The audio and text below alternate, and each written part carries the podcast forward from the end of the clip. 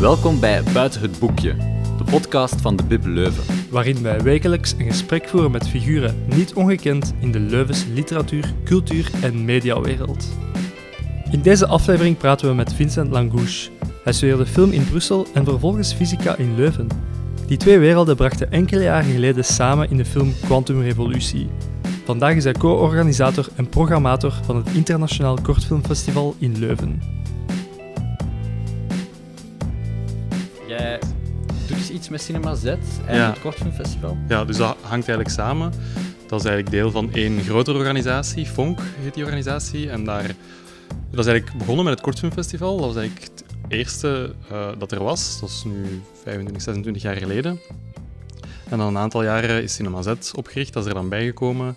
Ja, de cinema heel het jaar door hier in Leuven. Vroeger één zaal in het stuk, nu drie zalen met de Vesalius zitten erbij.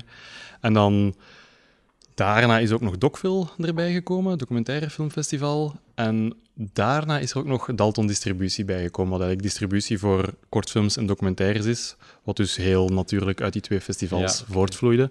Maar al die eh, onderdelen zitten onder één dak. Is eigenlijk één ploeg dat daaraan werkt. En iedereen... Ja, ik heb bijvoorbeeld wel mijn hoofdopdracht is, is het Kortfilmfestival, maar ik werk ook mee aan, aan Docfil of aan Cinema Z. Dus het hangt allemaal een beetje samen en iedereen helpt elkaar. eh, dus zo zit het in elkaar. Ja, zalig. Ik ben filmstudent in, in Brussel, aan het Rits ook. Ja? En ik denk, denk dat jij daar ook begonnen bent. Ja, ik heb Mocht je vertellen, hoe zijt je begonnen? Was, wat waren je studies? Ehm, ja, eh, ik ben eigenlijk eerst bij Cinema Z begonnen. Toen ik gewoon nog... Want ik ben, ik ben in Leuven geboren, ehm, in Leuven naar school geweest. En dan heb ik Cinema Z leren kennen toen ik in het vijfde middelbaar zat, denk ik, of zesde middelbaar zat. En dan ben ik als vrijwilliger voor Cinema Z beginnen folders eh, rondbrengen. En daar kreeg ik dan twee vrijkaarten voor per week. Dus ik ging ook gewoon twee keer naar de film, elke week. Uh, en zo is die interesse wel gegroeid. En dat was, ja, toen was het dus alleen nog maar het stuk, was één zaal. Ehm, toen was de programmatie ook wel iets scherper. Die is nu iets breder, omdat we meer zalen hebben. Ook omdat de studio's dan zijn weggevallen. Hebben wij dat een beetje overgenomen. Ehm, dus ik heb daar heel veel film leren kennen en daar is die interesse echt gegroeid. Waardoor ik dan ja, na mijn middelbaar aan het Rits ben begonnen eh, om film te studeren. En dan, terwijl ik aan het Rits begonnen was, denk ik, in mijn eerste jaar daar... Of nee, dat liep wel samen eigenlijk. Ja, dan moet ik even teruggaan. Ehm vlak ervoor ben ik ook als projectionist bij Cinema Z begonnen. Dus dan ben ik eerst ja, Hmm. vrijwilliger en daarna was er vraag naar een extra projectionist en dacht ik, ja, ik wil dat wel, ik wil dat wel doen, ik wil dat wel proberen. Eh, dus toen was ik maar 17 jaar, maar dat, dat ging en ik kon... eh, en toen was het ook allemaal vijf- 35 mm nog, dus dat was echt leuk. Projecteren, de film opleggen, aanzetten. Ehm, dat was nog echt film toen. Bestaat die job nog vandaag? Projectionist bestaat nog, Ja. maar 35 mm wordt nog heel, heel zelden maar gebruikt. Mm. Dat is echt als we filmklassiekers hebben, dat we nog soms 35 mm kunnen spelen. En daar heb je ook een speciale projector voor nodig. En die staat er dus alleen maar in Cinema Z in het stuk. Hebben we een 35 mm projector staan, maar die dus nu maar één of twee keer per jaar gebruikt wordt. En vroeger was dat elke dag, alle films ehm, werden zo gespeeld. Maar dus de job van projectionist bestaat nog wel. Nu is het alleen iets anders. Nu is het DCP dat we gebruiken, dat is een digitaal formaat. En dat is eigenlijk ja, op een computer dat je playlists maakt en op, op play duwt. Ehm, dus het is een beetje anders van... Ja, die moeten ingeladen worden. Ja. Het is allemaal iets ja, digitaler uiteraard. Vroeger had je echt die film vast, wat ik wel zelf heel leuk vond. Allee, toch voor veel mensen, voor mij ook. Ik ben ooit gestopt eigenlijk met cd's kopen. Mhm. En omdat je Spotify hebt en al die dingen, je hebt minder de fysieke ja, dragers in je hand hè, tegenwoordig. Het is, het is altijd meer digitaal. Mhm. En, ah ja, het voelt toch iets anders. Ik heb dus, ik, ja, voor film mis ik het nu wel een beetje. Maar ook niet zo hard hoor. Het, is, het gevoel in de zaal is eigenlijk hetzelfde. Maar als projectionist is het wel heel anders. ja, dat kan ik me wel voorstellen. Ja, dus eh, dat heb ik dan gedaan. Dat heb ik lang gedaan eigenlijk, projectionist bij Cinema Z. Ook tijdens mijn filmstudies aan het Rits altijd. Ah, oké, Ehm, misschien nog maar iets. Nee, nee, nee. Dus daar Ah, heb ik, toen, toen, Ah, dat, bestond nog. toen, dat bestond toen nog niet. Oké. Want eh, toen ik aan het Rits gestudeerd heb, dat was eh, 2005 tot 2009. Dus toen waren ze met de verbouwingen bezig aan het Rits Ja. in de Dansaarstraat. Dus dat werd toen allemaal opgebouwd. En wij zaten toen in een kantoor ergens eh, les te krijgen. Ehm, boven, boven de bibliotheek daar op het Muntplein waren toen onze lessen. Dat was heel, heel gek. Dat was een heel tijdelijke school toen. Ehm, dus het Rits zag er toen heel anders uit. Ehm, moest je een ingangsproef doen Ja. voor die studie. Ja, dat is nu nog altijd zo, denk Ja. ik. Eh, dus ja, dat was, toen was dat een week dat wij elke dag naar daar moesten gaan. Nog een aantal steeds. opdrachten kregen, filmfragment moesten analyseren, zelf foto's moesten gaan maken. Ehm werd er een beetje gepeild naar wat uw interesses zijn, of je een beetje de actualiteit volgt, dat soort dingen. En voor mij was toen ook wel een groot voordeel dat ik die ervaring als projectionist had en bij Cinema Z werkte. Dus dat was al Ja, ja, al heel veel achtergrond dat ik dan had.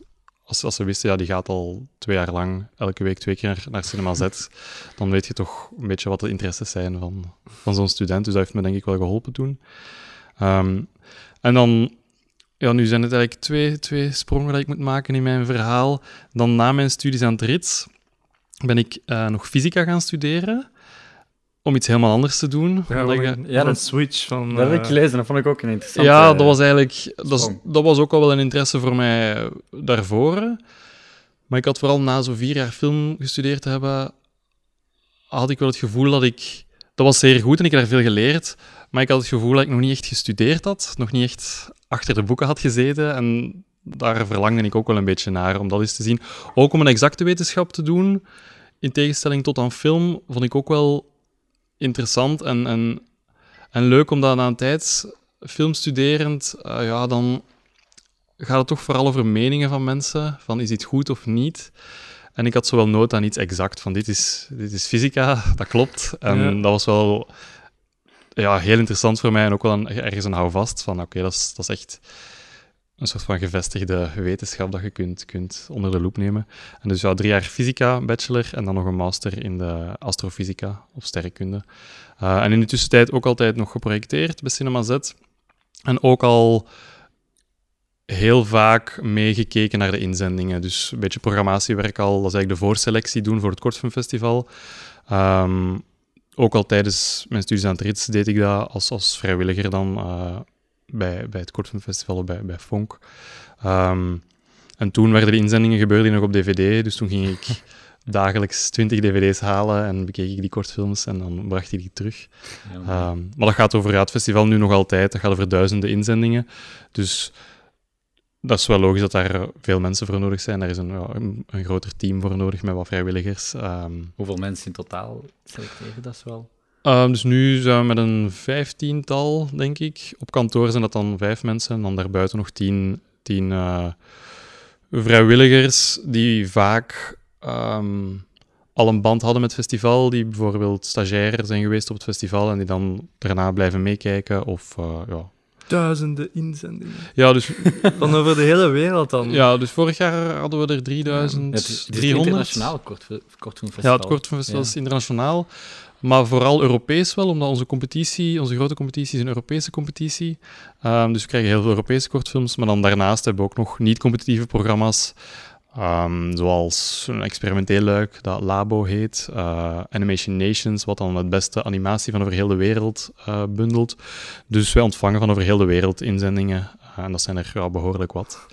ik, ben, ik ben wel eens naar het Kortfilmfestival geweest en ik vraag me wel af, uh, wat zijn zo uw selectiecriteria? Dat verschilt dus van programma tot programma. Uh, wel, in eerste instantie wordt er wel gekeken naar of het technisch in orde is. Mm -hmm. Dat is een makkelijke eerste schifting die gemaakt kan worden, want we krijgen ook heel veel echt amateurfilms ingezonden waar we niet naar op zoek zijn. We mm. krijgen ja, zoveel inzendingen dat we echt voor de, de allerbeste gaan. Dus dan is de eerste eenvoudige stap dat het geluid goed is afgemixt, mm -hmm. dat, het, uh, ja, dat het er goed belicht is, dat het, dat het beeld goed is. Um, want soms krijgen we dingen binnen die, ja, die gewoon niet zijn afgemixt en die, die, of het geluid staat maar op één kanaal of zo. Dan, ja, dan is de kans heel klein dat die geselecteerd wordt. Um, dan in de tweede plaats, uiteraard, kijken we naar, naar de inhoud en zijn we op zoek naar originele films, omdat zeker na een aantal jaren die selectie doen en zoveel kortfilms te zien, is dat ook iets waar dat je persoonlijk naar op zoek gaat en, en zelf meer door geraakt wordt als iets is dat je nog niet hebt gezien. Want ja, heel veel kortfilms zijn ook wel gewoon, heb je al eens gezien, of zijn verhalen die al eens verteld zijn, of, of dan zijn we toch altijd op zoek naar een nieuwe visuele insteek of, of iets. Ja, ja, ja. eigenlijk een, een soort van.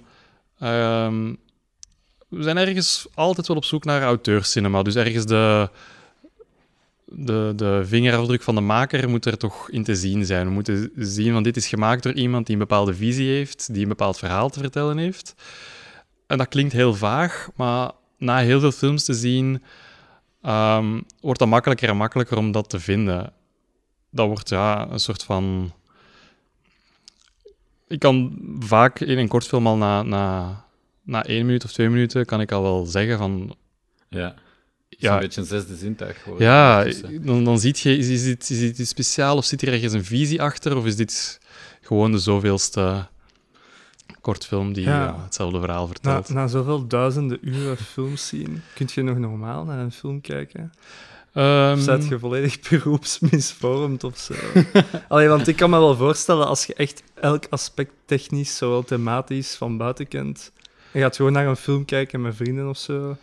Ja, meestal gaat dat wel. En ehm, het hangt er dan vanaf hoe goed dat de film is, of dat ik er analyserend naar ga kijken. Dus als, meestal is als ik begin te letten op hoe hebben ze dit gedaan, of hoe, hoe is de belichting, dat is meestal niet zo'n goed teken. En dat is meestal teken dat het verhaal of de film mij niet echt kan er volledig intrekken. Eh, en ja, dat is dan duidelijk. Als ik daar helemaal niet aan zit te denken, dan is het wel een goede film. En dan zit ik helemaal in die film en, en vergeet ik alle, alle rest. Hm, dus je kunt dat wel nog zo een beetje uitzetten, dat Ja, om te- in het begin zet ik, het zeker, zet ik het zeker uit. En ik begin altijd wel met een, een, een frisse blik daaraan. Maar ja, als het dan, als dan tegenvalt of als het mij niet zo kan interesseren, dan begin ik wel op te letten, meer de technische kant. Ja. Ja. Want zowel in een gewone week, hoeveel films... Oh, in een gewone maand bijvoorbeeld, hoeveel films per maand gemiddeld? Bekijk ik. Ja. Kortfilms. Ja? Nee, ja, alles. Zo, uh, zo Ah. los van het festival gewoon... Ja, het, gaat, gaat zo'n beetje in golven wel, want Ja, dat herken ik zelf ook. Ehm, het zijn vooral de maanden vlak voor het Kortfilmfestival dat ik heel veel kijk. En dan de maanden na het Kortfilmfestival is het een beetje rustiger. En dan heb ik ook nog andere dingen, want ja, ik ben niet alleen programmator, maar ook coördinator. Dus dan gaat veel tijd naar eh, subsidieaanvragen schrijven, dat soort zaken. En het is dus pas vanaf eigenlijk nu ongeveer, augustus, september, oktober, dat ik bijna de hele tijd, ja, elke dag, ja, kortfilm kijk. Dus dan, dan kijk ik wel wat.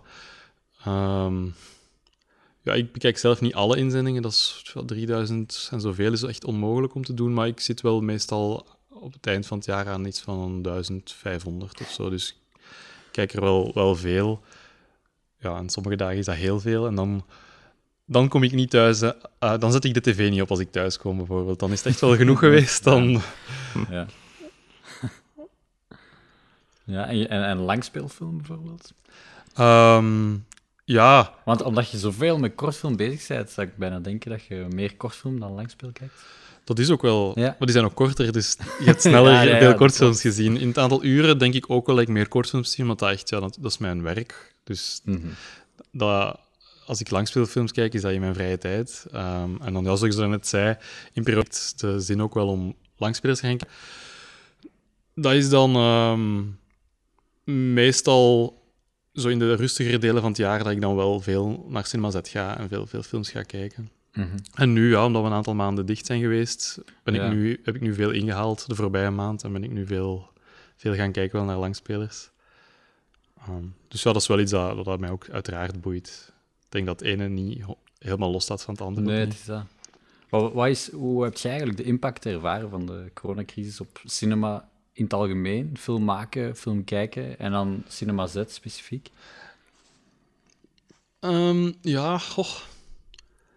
Ik denk dat de totale impact nog zal moeten blijken, maar het is wel moeilijk voor de cinema nu. Dus het is... ehm, thuis hebben mensen ook nog Netflix en ook allee, zoveel andere kanalen, eh, ja, gewoon televisie ook nog wel, die ze gewoon zijn om te gebruiken. Dus de, de echte cinema-ervaring is toch nog iets anders. Ehm, en we hebben er natuurlijk ja, toen maanden naar uitgekeken om de cinema terug te openen en alles aan gedaan om dat zo, vei- zo veilig mogelijk te doen. Alles uitgewerkt, hoe kunnen we dit hier doen? Ons ticketsysteem aangepast, zodat mensen nu vaste plaatsen hebben en dat er afstand gehouden wordt tussen de, tussen de toeschouwers. Ehm, Zijn jullie direct 1 juli open kunnen gaan? 1 juli hebben we direct open ge- ge- gedaan, zoals normaal, met een volledig programma. Ja, we werken met maandprogrammatie, dus een, een- sinds begin van dit jaar brengen we ook een magazine uit, ehm, met daarin interviews eh, en, en, en meer informatie over de films. Dus dat hebben we zoals normaal gedaan. En dan die eerste week eh, liep het eigenlijk ook heel, heel goed. Die eerste twee weken liep het heel goed. Veel volk, ehm, veel enthousiasme. Maar nu is dat toch een beetje aan het weggaan. Ik denk ook met de stijgende cijfers terug dat mensen terug een beetje schrik hebben om te komen kijken. Ik denk dat ook mensen wat afgeschrikt zijn om eh, met een mondmasker in de zaal te gaan zitten. Want toen hebben we ook wel een kleine dip meegemaakt. Alhoewel dat bij ons iets minder stoort, denk ik, dan bij een cinema als Kinepolis. Omdat daar eh, mensen eten en drinken Ja. in de zaal. Bij ons mag dat niet. Dus sowieso vind ik zelf nu het niet zo lastig om een mondmasker te dragen in de zaal, omdat je toch niet aan het eten of aan het drinken bent. Je bent niet aan het praten, dus... en je zit stil. Dus voor, allee, ik denk dat het eigenlijk de ervaring helemaal niet, niet verandert. Voor mij alleszins niet. Ja. Maar ik, ik heb wel de indruk dat mensen een beetje afschrikt. Maar het zal een combinatie zijn van. Want sowieso is het midden van de zomer wel het dieptepunt van het aantal bezoekers. Het is ook mooi weer, dus mensen zitten dan misschien ook liever buiten. Dus er zijn heel veel factoren die nu een rol spelen. Het is maar een beetje afwachten en kijken hoe dat nu evolueert in de komende maanden. Maar het is natuurlijk ehm, moeilijk voor, voor, voor de cinema om onze zaal ja, uitverkocht te noemen bij een bezetting van 1, 1 zesde of zo. Dus Ja, ja, ik wou net vragen, hoeveel plaatsen gaan er verloren nu? ja, ik denk dat we... Het hangt er een beetje vanaf met hoeveel mensen...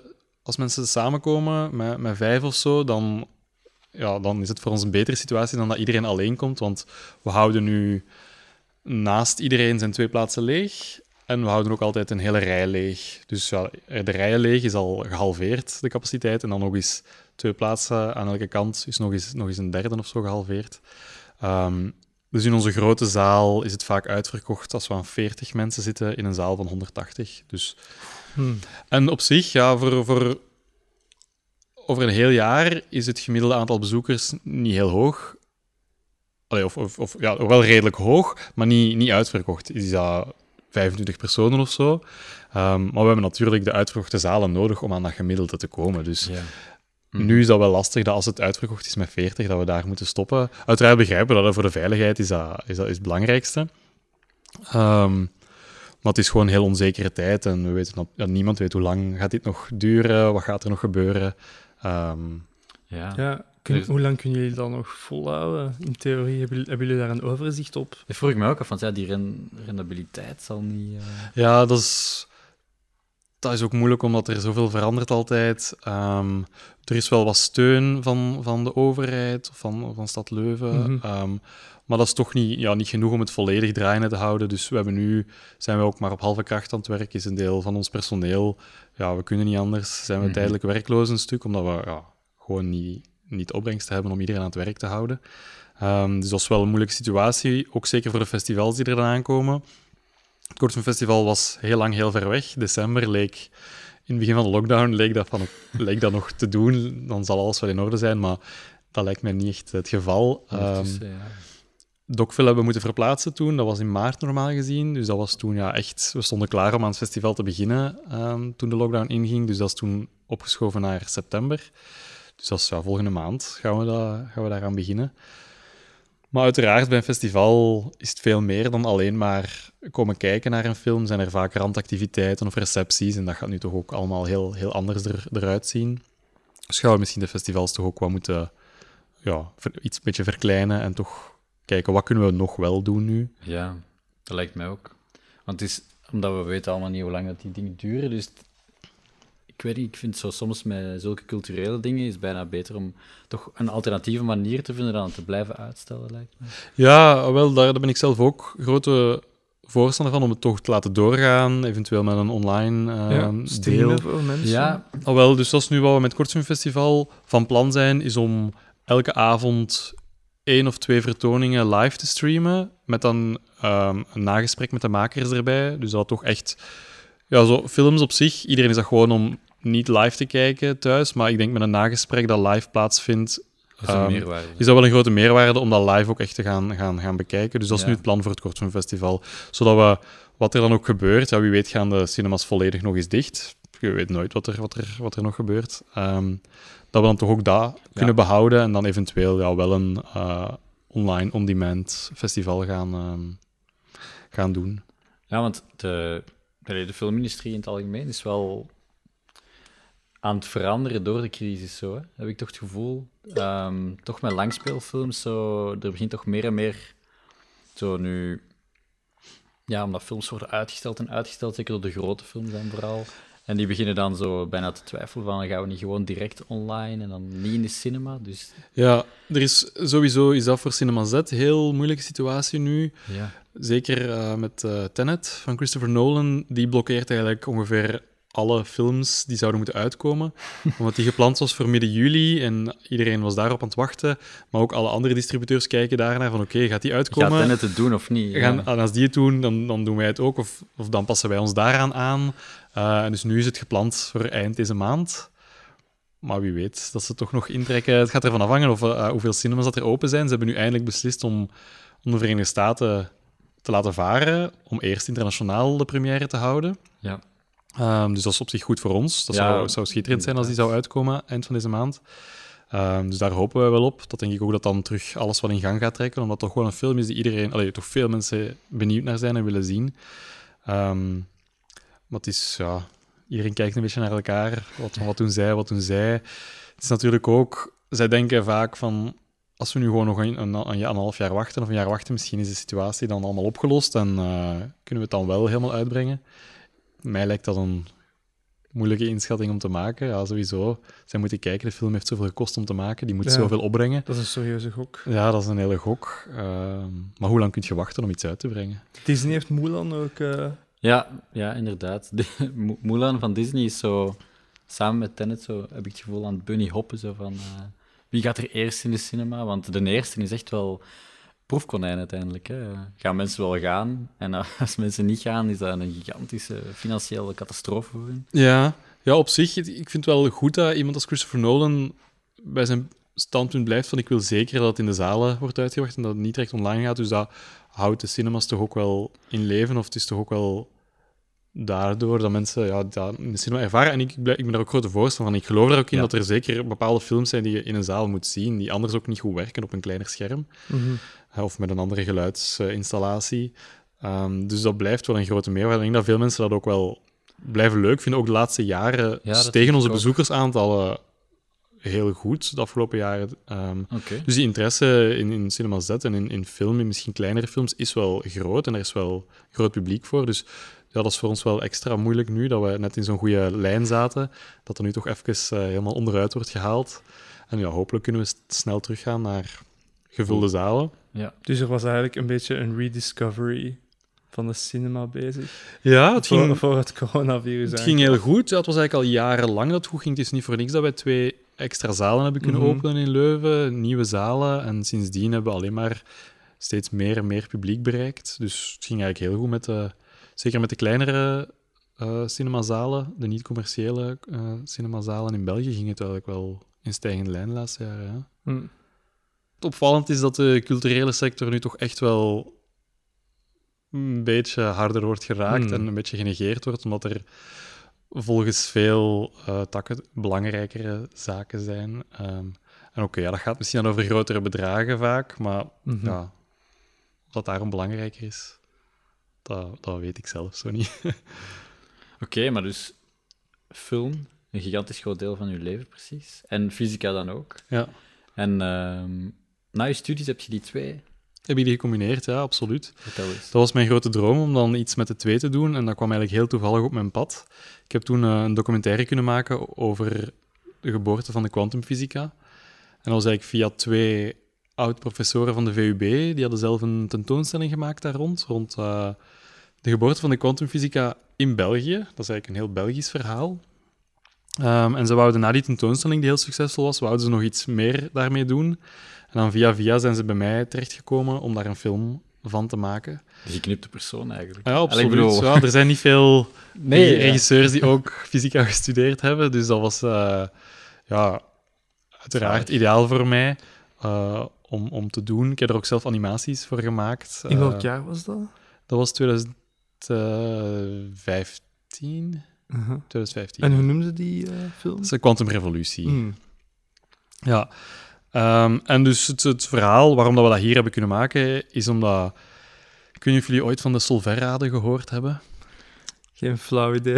Of, of Solvay, de naam Solvay u iets zegt? Dat zegt wel iets. Solvay bestaat van, eh, nog. Dat is een- 100 jaar geleden of zo. Ja, maar, ja, maar Solvay is nog altijd een van de grootste Belgische bedrijven. Dat is een Ja. chemisch bedrijf. Ja. Ehm, ja, over heel de wereld wel actief. Maar dus Ernest Solvay, de oprichter daarvan, leefde inderdaad ongeveer 100 jaar geleden. Ehm, en was toen een grote industrieel met een interesse voor fysica. Dus hij had zelf eigenlijk geen opleiding, of, was, hij was geen fysicus, maar had een groot interesse. En in die periode, 1911 kwam dat dan tot stand, ehm, waren er veel problemen in de fysica. Er waren veel vraagtekens. Ze hadden eigenlijk veel opgelost, maar toen kwamen er een paar dingen die ze niet echt konden oplossen, die, die niet meer werkten met de, met de fysica, de wetenschap die ze toen hadden. En hij kwam op het idee om alle belangrijkste fysici op dat moment uit te nodigen in Brussel. Dus dat was een Einstein, een Marie Curie, Niels Bohr, eh, Max Planck en nog andere die iets minder bekend zijn, maar die toen wel belangrijk waren. Of ja, als je fysica studeert, kent je ze allemaal wel. Eh, maar die werden toen allemaal uitgenodigd in Brussel eh, om daarover te discussiëren. En dat zijn de Solverraden. Ze hebben dat een aantal keren gedaan. Die, gaan, die bestaan nog altijd trouwens, die Solverraden. En om de paar jaar vindt er zo een plaats. Altijd rond een bepaald onderwerp. Maar dus die eerste, van 1911 tot 1930, 32, eh, gingen over kwantumfysica. En daar is eigenlijk de kwantumfysica ontstaan en zijn die gesprekken gevoerd en er werd daarover nagedacht. Dus eh, dankzij die Belgische insteek was het ook interessant om die documentaire hier te maken, uiteraard. Eh, we zijn op de plaats geweest ook waar dat die bijeenkomsten ja, zijn, zijn, zijn gehouden. Dat was Hotel Metropool in Brussel. Ehm, dus dat was, was heel leuk om die geschiedenis daarbij te betrekken en om te kijken hoe dat, dat juist tot stand is gekomen. Ik denk ook dat dat voor een documentaire leuk is om niet alleen dan bijvoorbeeld naar de fysica te kijken, want die geschiedenis erachter, ja, dat maakt het toch iets interessanter en iets persoonlijker. Dat waren toen echt mensen die daarmee bezig waren. Ook opvallend dat toen leek wetenschap ook iets menselijker, omdat dat ja, echt individuen waren die zelf dingen konden ontwikkelen. Nu gebeurt het op een heel andere manier. Nu zijn het vaak onderzoeksgroepen, onderzoeksteams van tientallen, honderden mensen die een bepaald onderzoek voeren. Toen was het echt één iemand. Dat was echt Ja, Einstein ja, ja. die achter zijn bureau zat en nadacht over relativiteit. Over kwantumfysica dan ook daarna. Ehm, en toen kon je die dus allemaal ook in één zaal krijgen. Dat waren 25 mensen. Het zijn echt heel bekende foto's waar ze allemaal op staan. En dat is, dat, is, dat is best indrukwekkend ook, die foto's. Daar staan dan 25 mensen op, waarvan 17 of 18, ik weet het niet meer exact, een Nobelprijs gewonnen hebben voor fysica. Dus dat is, ja, dat is echt het, de, de, de, The de room top. where it happens. Ja, absoluut. Ik vraag me af, waren er dan ook rivaliteiten? Ja, Tussen die absoluut. wetenschappers, Ja, ja, zeker. Want er waren... En meningsverschillen, ongetwijfeld. Ja, een grote, de, grote strijd was eigenlijk tussen eh, Einstein en Niels Bohr, die ehm, een heel andere mening hadden over kwantumfysica. Eh, sowieso was Einstein altijd nogal tegenstander van de, van de nieuwe kwantumfysica die toen ontwikkeld werd, de kwantummechanica. Ehm, en hij heeft zich daar nooit echt mee verzoend met die theorie, maar die blijkt nu wel goed te werken, nog altijd. En is wel een heel belangrijk onderdeel van de fysica geworden. Ehm, maar toen clashte dat wel tegen de, de, de oude garde toen en de nieuwe jonge fysici die er toen aan, aankwamen. Dat, Ja, ja, dat, ja. dat botste wel, maar dat was wel ja, heel interessant om... om... Was dat een thema in de, in de film? Ja, absoluut. Ja, ja, ja. Hoe lang heb je daaraan gewerkt, aan die film? Ehm, daar heb ik ongeveer een jaar, een jaar en een half aan gewerkt, denk ik. Ja, En wat is daar dan mee gebeurd? Heeft hij in de zaal gespeeld? ja die heeft in een zaal gespeeld in, in Vlaanderen, in de, de, de kleinere zalen, of ja, de, de arthouse of de niet-commerciële Ja. zalen. Ehm, ja, in Cinema Z, in, in, in Sphinx, in Gent, in Cinema Zuid, in Antwerpen. aantal plaatsen, heeft ook op een aantal festivals gespeeld, ook internationaal. Ik ben ermee naar Moskou kunnen gaan. Het was een, eh, een festival voor wetenschappelijke documentaires, was heel leuk. Het was heel, heel eh, vreemd voor mij om, om voor een zaal vol met Russen te staan, om zo een, een Belgisch verhaal dan te vertellen. De kwantumfysica is uiteraard wel Hm. ja, universeel en Ja, ja. eh, dat is voor iedereen wel interessant. Maar gewoon al het feit dat ze die film ja, in het Russisch hebben ondertiteld toen, heeft ook in Denemarken gespeeld, heeft ook een Deense ondertiteling gekregen. Dus. Hoe reageert het publiek daar? Ja, ik Heel enthousiast, ze hadden veel vragen, ja, ze waren wel helemaal mee. Het is ook... Ik denk dat het leuke aan de film is dat het op een heel eh, laag niveau is. Het is eigenlijk een heel toegankelijk. heel toegankelijk. Het is eigenlijk met het het doelpubliek dat we in gedachten hadden was... Het is eigenlijk gemaakt voor middelbare scholieren. Het is eigenlijk gemaakt voor vijfde, zesde middelbare, wetenschapsrichtingen wel. Ehm, dus het is heel toegankelijk. Het is dan ook in scholen vertoond geweest. Eh, daar ben ik zelf dan niet, niet bij geweest. Maar dus die, die festivals waren heel, heel leuk om te doen. Ja. En dan ja, een, paar ver- een aantal vertoningen in Vlaanderen. Hij staat ook nu ook op dalton.be, dus hij is nog altijd te bekijken. Wat mij vooral heel leuk lijkt, is ehm, in de middelbaar dat je beginnen werken in Cinema Z en dan ehm, tien jaar later of zo speelt je eigen film in Cinema Z. Ja, Toch wel mooi? ja een speciaal moment inderdaad. Ja, Ik had ook al een kortfilm dan aan, mijn, van mijn, aan het rits. eh, aan mijn Kortfilm nummer één. Kortfilm nummer 1 heb je heet die. gezien. Heb je die gezien? Ja. Allee. Waar heb je die gevonden? Eh, ja, ik ben zelf student aan het RITS, dus ik kon eh, op Mobo nog in hun ehm, oké. archief Oké, kon ik het zien. Ja. oké, leuk. ja, vind je het leuk dat ik hem gezien heb? Eh, Of, eh, Ja, als ik er zelf nu naar terugkijk, dan ben ik niet ongelooflijk enthousiast. Maar ik denk dat filmmakers zelden super enthousiast zijn over hun eigen films. Ehm, maar ik ben wel blij dat je dat gemaakt hebt. Ik ben er nog altijd wel redelijk tevreden over. Dat is nu niet... Ehm, hij was toen ook geselecteerd voor het Kortfilmfestival in Leuven. En ehm, ik heb wel veel goede reacties gekregen toen. Toen had je ook nog het grote ongeduld in Brussel. Wat dan alle studentenwerken waren. Daar heeft hij toen ook wel een prijs gewonnen. Die was toen door, door Canvas genomineerd en is toen ook eh, op Canvas vertoond geweest. Dus er waren wel veel positieve reacties, waardoor ik nog altijd wel daarover tevreden ben. Als ik er zelf nu naar kijk, Ja. dan zie ik wel de mankementen en dan zie ik wel... Allee, ik zou het nu niet meer opnieuw maken, dit. Omdat als ik, maker. omdat ik een andere persoon ben nu ook, denk ik. Wat, Ja. wat is een beetje de insteek van die film? Ik heb hem nog niet gezien. Ehm, het zijn... Het is heel lang geleden. Eh, dat is 2009 dus dat die eh, is, is uitgekomen. Eh, dus ik, moet- ik moet even terug nadenken. Ehm, het zijn eigenlijk tien tableau, tableau vivants. Dus het zijn eigenlijk stilstaande shots eh, waarop heel veel gebeurt. Je hebt eigenlijk bijna altijd in elk shot twee of drie lagen. Op de voorgrond misschien een gesprek dat er plaatsvindt. En op de achtergrond zie je nog eh taferelen gebeuren. En eigenlijk waar het over gaat is de maatschappij en hoe dat mensen met elkaar omgaan. Dat was de insteek. Ehm, ja, dat is het nog steeds. Eh, ja, denk ik... Ja, zegt jij misschien? Wat, wat, wat jij er nog in Ja, gezien? nee, ik vond het eh, inderdaad hoe- heel cool. Het was zo... ehm, het viel me inderdaad direct op. Ik had er nog niks over gelezen, zo. ik dacht, ga- ik ga gewoon kijken. En ik zag inderdaad echt zo die... Hoe ik dat nadien las, die tien tableaus. Zo. Ik vond het eh, ingenieus. Ik vond, het- ik vond het een coole manier om eh Ik film vond, te ik maken. vond dat zelf een leuke manier om eh, mij een paar eh, limitaties op te leggen. Ja. Om te zeggen tegen mezelf, oké, stilstaande camera, tien shots, en begin daarvan uit te denken. En zo is het ook ontstaan. Ik denk dat beperkingen heel bevrijdend werken vaak. En vaak de creativiteit meer aansporen. Als je gewoon Interessant, ja. met onbeperkt budget en met onbeperkte mogelijkheden moet beginnen, is het vaak toch iets moeilijker om, om op een leeg blad te beginnen Ja, schrijven. effectief. Ehm, als het- alles kan, is het effectief een leeg blad. Maar als je beperkingen hebt, heb je toch wel een kader en dan kun je dat beginnen invullen. Ja, inderdaad. Is het mogelijk om die film te bekijken? Eh, als je geen Die staat- student Die bent. staat, die staat ook nog wel op dalton.be, Mhm. denk ik. Al vervallen de rechten wel dit jaar, dus... Snel zijn. Als het, als, wow, Ja. ze- de rechten, ze mogen de rechten verlengen van mij. als, ze met een goed Bij voor- deze. als ze met een goed voorstel komen. Bij deze een oproep. Ik wil nog zeker weten, het is misschien een clichévraag, maar wat is uw favoriete film? Of de film dat het meeste impact heeft gehad op u als filmmaker misschien? Dat, vind ik, al- dat is altijd een hele moeilijke vraag. Ja. Misschien Ja. een makkelijkere vraag. Auteur? Allee, filmauteur dan. Filmmaker. Ja. het is denk ik, ik kan wel antwoorden op bepaalde periodes in mijn leven of zo wat belangrijk is geweest. Mhm. En dan ga ik naar iets heel cliché teruggrijpen. Ehm, en dat was in die beginjaren dat ik Cinema Z leerde kennen. Dat was dan eh, Tarantino. Mhm. Ehm, ik denk dat denk ik zelfs toen Kill Bill volume 1 was, dat uitkwam, dat mij naar Cinema Z heeft gehaald.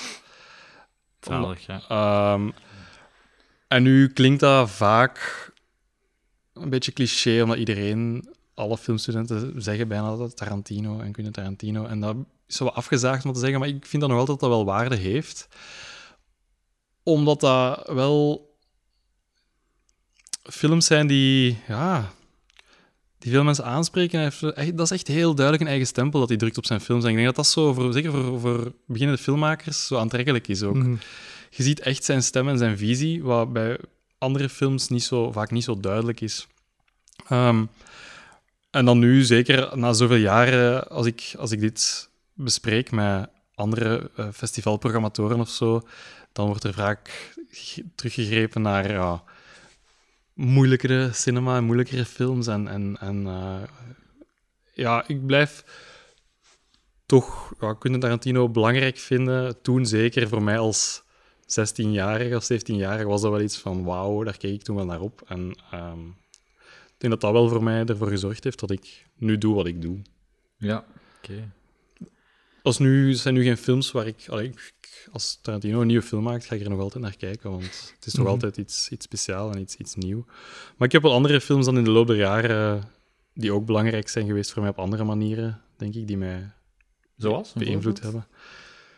Ja, om, om nog iets te noemen, dan, dat, dat hangt dan weer aan mijn studies fysica misschien vast. Maar Interstellar was Ja, voor mij heel speciaal, omdat dat een van de eerste films was voor mij waar dan nog specifiek astrofysica zo aan bod komt en zo wetenschappelijk correct wordt gebruikt. En daarnaast ook nog eens een heel entertainende en goede film is, ook voor mensen die niks van fysica kennen. Dus dat vond ik wel, ja, is voor mij wel een van de belangrijkste films op die manier, denk ik. Ook omdat gewoon de, ja, mensen die niks van, van wetenschap of van sterrenkunde kennen, toch ook kan, kan tonen hoe speciaal dat is of hoe, hoe interessant dat, dat is. Ja. Want alles wat er in die film gebeurt, alle tijdsprongen die gemaakt worden en tijdsbuigingen of vervormingen die gemaakt worden, dat is echt waar. Dat is echt fysica. Dat werkt echt zo. Dat is niet verzonnen. En dat vind ik zo mooi eraan. Het is eigenlijk, dat is eigenlijk wel boeiend in Christopher Nolan. Bijna in al zijn films speelt hij met tijd en de manier waarop dat hij ehm, ja, tijd kan beïnvloed worden of, of Ja. maar in deze film, in Interstellar, is dat echt op wetenschap gebaseerd. Dat zou echt zo plaatsvinden. Als je dicht bij een zwart gat zijt, zou de tijd voor u trager lopen of, of sneller lopen. Dus als je terugkomt, dat er een hele tijd verstreken is, maar voor uzelf maar een paar minuten. Dat is echt hoe dat, dat werkt in de Ah, dat fysica. wist ik en dat is, dat is ook dat experimenteel zelfs al bewezen. Als je een klok meestuurt in de ruimte en die komt terug, dan loopt die anders. Mhm. Dus als je twee klokken hebt die, die hetzelfde lopen, Ja. en je stuurt er eentje naar de ruimte en je, je haalt die terug naar hier, dan lopen ze niet meer hetzelfde. Dus dat is echt iets, de zwaartekracht beïnvloedt dat echt. I'm scared. En ja, dat is wel... Als fysicus is dat heel tof, maar dat is leuk dat dat ook in een film... dat werkt natuurlijk heel goed, dat dat... Ja, daar kun je heel, heel speciale dingen mee Dat is mee eigenlijk nog een tweede lens dat je hebt als je naar een film kijkt. Van, klopt de wetenschap hier in deze film al? ja. Nu, ja, er zijn weinig films die echt wetenschappelijk Ja. correcte dingen, dingen doen. Zoals de typische hackersprogramma's. in Ja, films. inderdaad. Zo zijn er heel veel, zo zijn er heel veel filmclichés die ook. Dat is ook wel interessant. Dat zijn dan filmclichés geworden, waardoor dan nu, zelfs al wilt je een, een wetenschappelijk correcte actiefilm maken, het publiek gaat dat gewoon niet meer aanvaarden, omdat mensen dat niet gewoon zijn. En dan gaat het er onrealistisch uitzien. Terwijl eigenlijk het dan net wel realistisch zou zijn, maar voor mensen ja, zijn zo gewoon aan alle special effects die, die we Mhm. nu ja, Ja, zien is, eh, dat de realiteit ja, te, te, te weinig is of, of te raar zou zijn. En mensen gaan ook niet naar de film om de realiteit te zien. Hè. Nee, nee, inderdaad. Nee, nee, dat is waar. Heb je nog ambities binnen de fysica en de film? Ik zou zeker graag nog eens een, eh, een tweede documentaire maken over, over fysica. Dat is wel het plan voor in de toekomst, om daaraan te beginnen. Zijt je al zo heel ja, ruw al bezig aan zoiets? Ik zou graag iets doen rond snarentheorie, omdat dat zowel de... Ik zou durven zeggen, de nieuwe kwantumfysica is. Wat is de Ja, kun je dat snarentheorie? heel Kort. Dat Het is er op zich niet... Nee, oh, dat, kan, dat kan ik niet. En dat kan, dat kan niemand. En daarom is het net zo, zo boeiend. En dat was ook hetzelfde bij kwantumfysica, want dat kan ook niemand kort even samenvatten. Mm. Ehm, maar net daarom dat er wel mensen geïnteresseerd in zijn en dat dat wel tot de verbeelding spreekt. Uh, maar de snarentheorie is iets dat nu theoretisch ontwikkeld wordt nog altijd. Ehm, dat eigenlijk ja, ook terug weer al veel problemen die er zijn in de fysica, veel dingen die niet met elkaar kunnen kunnen werken, zoals kwantumfysica en relativiteitstheorie, dat, als, die hebben niet echt een overlap, dat vloeit niet mooi in elkaar over. En scenariotheorie kan dat wel verzoenen, kan wel een soort van grotere globale theorie vormen die alles kan beschrijven. Ja. Uh, maar het probleem daarmee is nu dat die fundamenteel niet kan bewezen worden door experimenten. Dat is eigenlijk een ja, wiskundig model of een theorie die wel werkt, maar die je niet echt kunt bewijzen. kunt bewijzen. En dat is redelijk problematisch, want dat is voor de wetenschap is dat wel de basis geweest van de voorbije honderden jaren dat we dat, het observeerbaar dat, we dat experimenteel kunnen bewijzen Ja. en kunnen zien. En dus in dit geval gaat dat niet. Dus dat is wel, ik- vind ik zelf wel interessant eh, iets om een documentaire over te maken. Ja, lijkt me cool. En aangezien het zoiets ehm, zo nog abstract is, moeilijk te begrijpen, een documentaire, 1 à 2 uur, het is wel het ideale medium om het toch eh, verteerbaar te maken voor eh, Ja, ja, het absoluut. grote publiek. Ja, en ik denk ook dat er... Het is niet pure wetenschap. Het is sowieso niet mijn doel om dan een puur wetenschappelijk eh, documentaire te maken, maar ook te kijken dan naar, ja, wat is de filosofische impact daarvan bijvoorbeeld? Van oké, we kunnen dit niet bewijzen. Wat, wat gebeurt er dan met de wetenschap? Moeten we anders over wetenschap gaan nadenken? Of Ja, ja, mogen we dit juist niet doen? Dat is zo wel een, een, een leuke spanning dat er nu bestaat in de, in de fysica. Volgende keer praten we met Fatmata Jallo, de voorzitter van Belgian Youth Diplomacy en liefhebster van fantasy genres. Bedankt om te luisteren. Tot de volgende.